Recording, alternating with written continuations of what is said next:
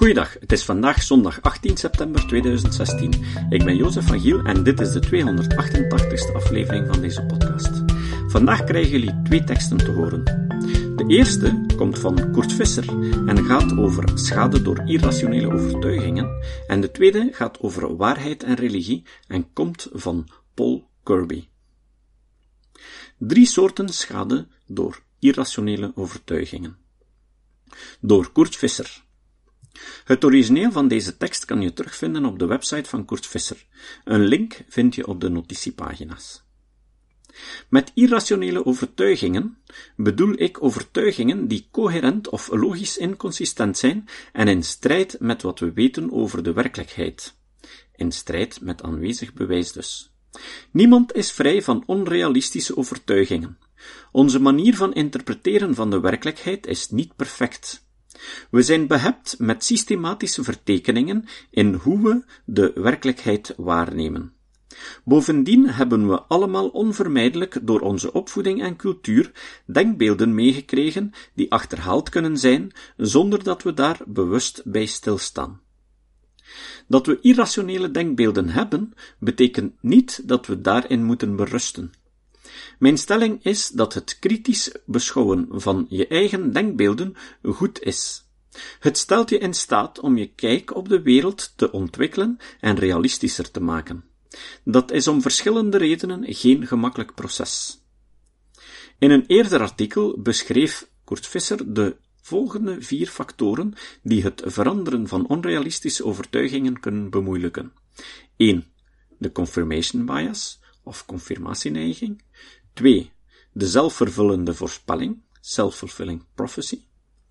3. Jezelf labelen naar je overtuigingen.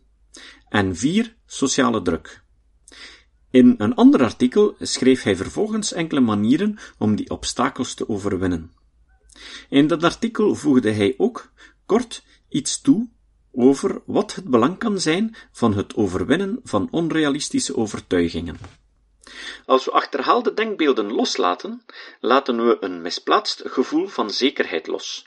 Misschien leidt dit ertoe dat we meer met vraagtekens dan met uitroeptekens gaan rondlopen in ons leven. Maar ik denk dat we zullen ontdekken dat het leven met vraagtekens minder moeilijk is dan het lijkt en meer oplevert dan je misschien verwacht. Ik realiseer me dat deze uitleg nogal beknopt is en wil nu iets meer zeggen over het belang van het voortdurend bijstellen van onjuiste denkbeelden en overtuigingen. Kort samengevat zie ik drie soorten mogelijke schadelijke effecten van het vasthouden aan achterhaalde denkbeelden. Schade voor jezelf. Je kunt jezelf schade berokkenen door je onjuiste overtuigingen, door dingen te doen die schadelijk voor je zijn en of door dingen na te laten die goed voor je zouden zijn. Enkele voorbeelden.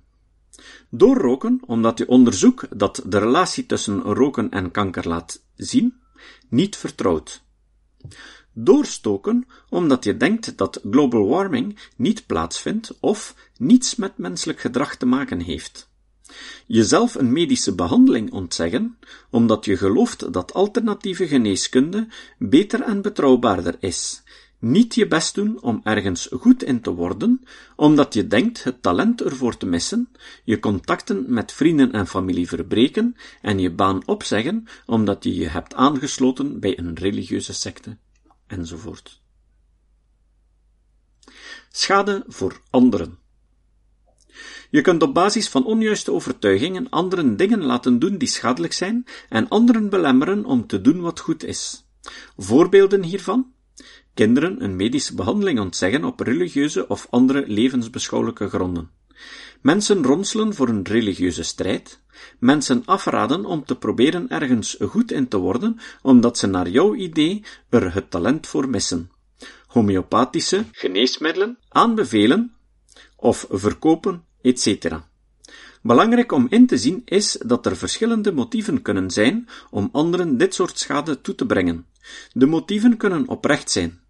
Dat is het geval wanneer de persoon die anderen tot schadelijk gedrag beweegt, zelf ook overtuigd is van de juistheid van de onderliggende overtuiging. Maar motieven kunnen ook onoprecht zijn. Je kunt anderen ook schadelijk gedrag laten vertonen voor eigen gewin. Denk aan het verkopen van homeopathische geneesmiddelen. Maatschappelijke schade. Onjuiste overtuigingen kunnen ook maatschappelijke schade opleveren.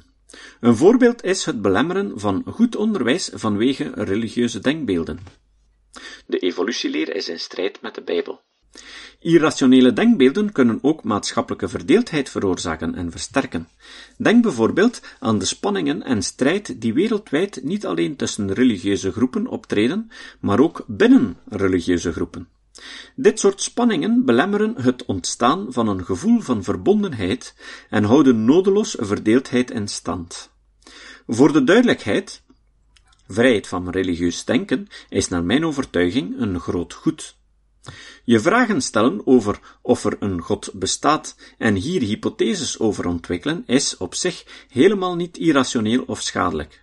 Schadelijke effecten treden vooral op wanneer vrijheid in denken over religieuze onderwerpen ingeperkt wordt.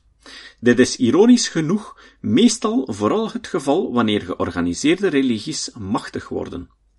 De reden is dat binnen die religies minder ruimte voor vragen bestaat. In plaats daarvan zijn min of meer onwrikbare antwoorden, dogma's geformuleerd. Deze antwoorden nemen de ruimte weg voor volgers van de religie om vragen te blijven stellen en eigen antwoorden te blijven vinden. Dit levert de paradoxale situatie op dat in de meeste religieuze samenlevingen, zoals in landen in het Midden-Oosten, er sprake is van de geringste vrijheid van religieus denken. Georganiseerde religie is niet het enige voorbeeld van een bron van schadelijke irrationaliteit en de daarmee samenhangende verdeeldheid. Eenzelfde soort verdeeldheid kan ontstaan door bijvoorbeeld nationalistische of racistische ideologieën, onrealistische ideeën dat de eigen natie of het eigen ras superieur zou zijn. Vasthouden aan irrationele overtuigingen kan schade opleveren voor jezelf en anderen. Het stapje voor stapje updaten van onze kijk op de werkelijkheid kan bijdragen aan progressie, onder andere in de vorm van meer eenheid. We hoeven niet in perfectionistische termen over dit onderwerp te denken. We hoeven niet in een kramp te schieten zo gauw we onszelf of iemand anders betrappen op een onrealistische overtuiging. Het is normaal om die in zekere mate te hebben, maar we kunnen onszelf en anderen helpen om te bewegen in een richting van een meer realistische kijk op de werkelijkheid. We kunnen kritisch leren kijken naar wat onze overtuigingen zijn, hoeveel vertrouwen we hebben in die overtuigingen en waar we dat vertrouwen precies op baseren. Vervolgens kunnen we onszelf en anderen vragen stellen die ons helpen om realistischer te gaan denken. Hoe autonomer en veiliger we ons voelen terwijl we dit doen, hoe groter de kans op progressie.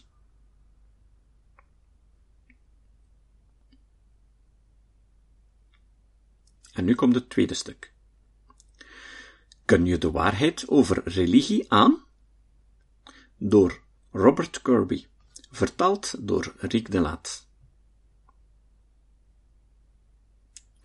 Wat als je zou kunnen weten of je religie waar is, gewoon door op een knop te drukken? Geen behoefte meer aan geloof. Nu kan je eindelijk weten in plaats van alleen maar geloven dat je het weet. Zou je op die knop drukken?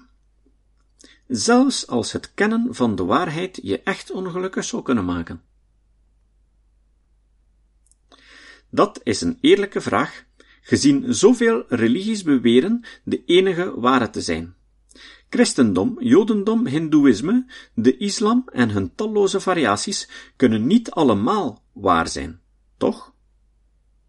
Om het nog interessanter te maken, laten we ook atheïsten, agnostici, satanisten, heidenen, kannibalen en iedereen die voor Donald Trump stemt, erbij betrekken. Iedereen kan de waarheid over zijn geloof te weten komen. Er is nogal wat risico aan verbonden. Neem dat je je hele leven baseert op de wetenschap dat Mohammed een profeet is. Je drukt op de knop bzzzt, blijkt dat hij een gewone kerel was met een idee dat aansloeg.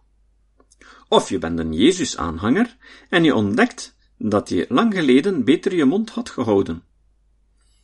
Of een atheïst en een druk op de knop toont aan dat je door je gebrek aan geloof je iets vreselijks te wachten staat. Wat ga je doen? Volgens mij bepaalt je antwoord op de knopvraag waar je staat in het zoeken naar de waarheid. Ten eerste, wil je de waarheid weten, wat ook het antwoord zal zijn? Is de waarheid belangrijker voor je dan je persoonlijke welbehagen? Ten tweede, of ben je niet bereid om wat je gelooft in vraag te stellen? Onwetendheid is zo zalig dat je zo ver mogelijk van de waarheidsknop wegblijft, zodat je emotionele zekerheid intact blijft. Tot slot, en het domst, zijn de mensen die niet op de knop zouden drukken, omdat ze al weten dat hun religie de ware is. Ik zit in de eerste groep. Pathologisch is het voor mij onmogelijk om mijn hersenen uit te schakelen. Het heeft me mijn hele leven al in de problemen gebracht. Ik zou de waarheidsknop indrukken, zelfs als er daardoor nog eens een Kardashian bij kwam. Alles over voor een beetje gemoedsrust. Ik kan meevoelen met de tweede groep mensen, degenen die niet op de knop zouden drukken uit angst voor wat de waarheid in hun leven zou teweegbrengen. Dat is logisch, want mensen willen gelukkig zijn. Als je er niet om geeft dat je het mis hebt, moet je vasthouden aan wat je vreugde geeft, zelfs als dat betekent dat er een kans bestaat dat je naar de hel gaat.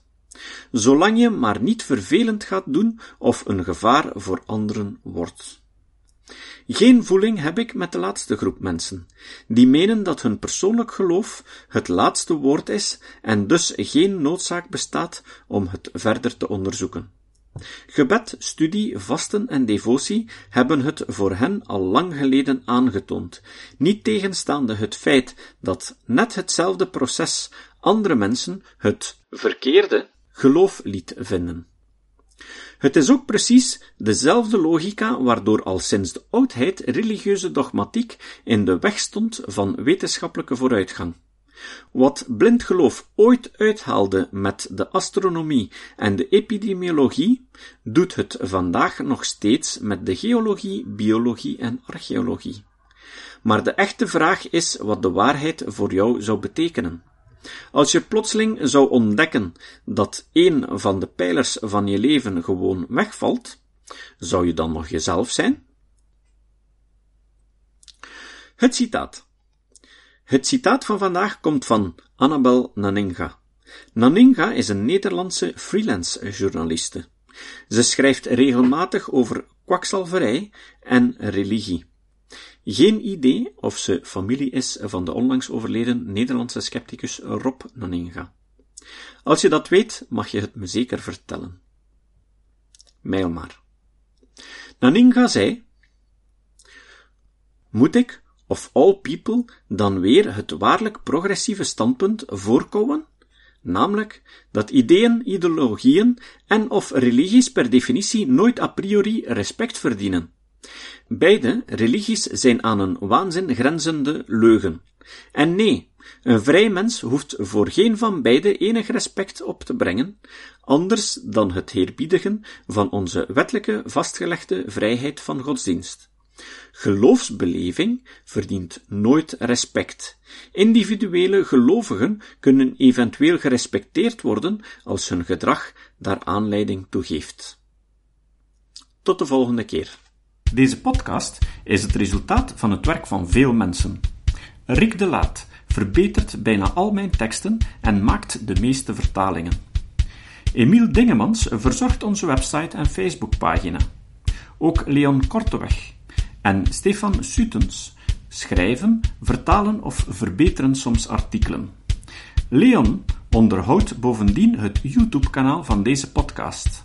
De muziek van de intro en de trailer heeft Nick Lucassen geschreven, en soms maken we ook gebruik van muziek van Ad van Nederpelt, die ons zijn prachtige composities ter beschikking stelt. Dit was de podcast Kritisch Denken. Vergeet niet om alles kritisch te behandelen, ook deze podcast. Voor verdere informatie over deze podcast, links en voor de tekst, surf naar www.kritischdenken.info. Als je deze podcast belangrijk vindt, kun je me steunen door anderen warm te maken ook eens te luisteren. Stuur een e-mail naar vrienden met een link naar de website en plaats de link in de handtekening van je e-mails. Tevens kun je op iTunes deze podcast een beoordeling geven of een recensie schrijven. Of je kan op je eigen website of blog een link naar kritisch denken plaatsen.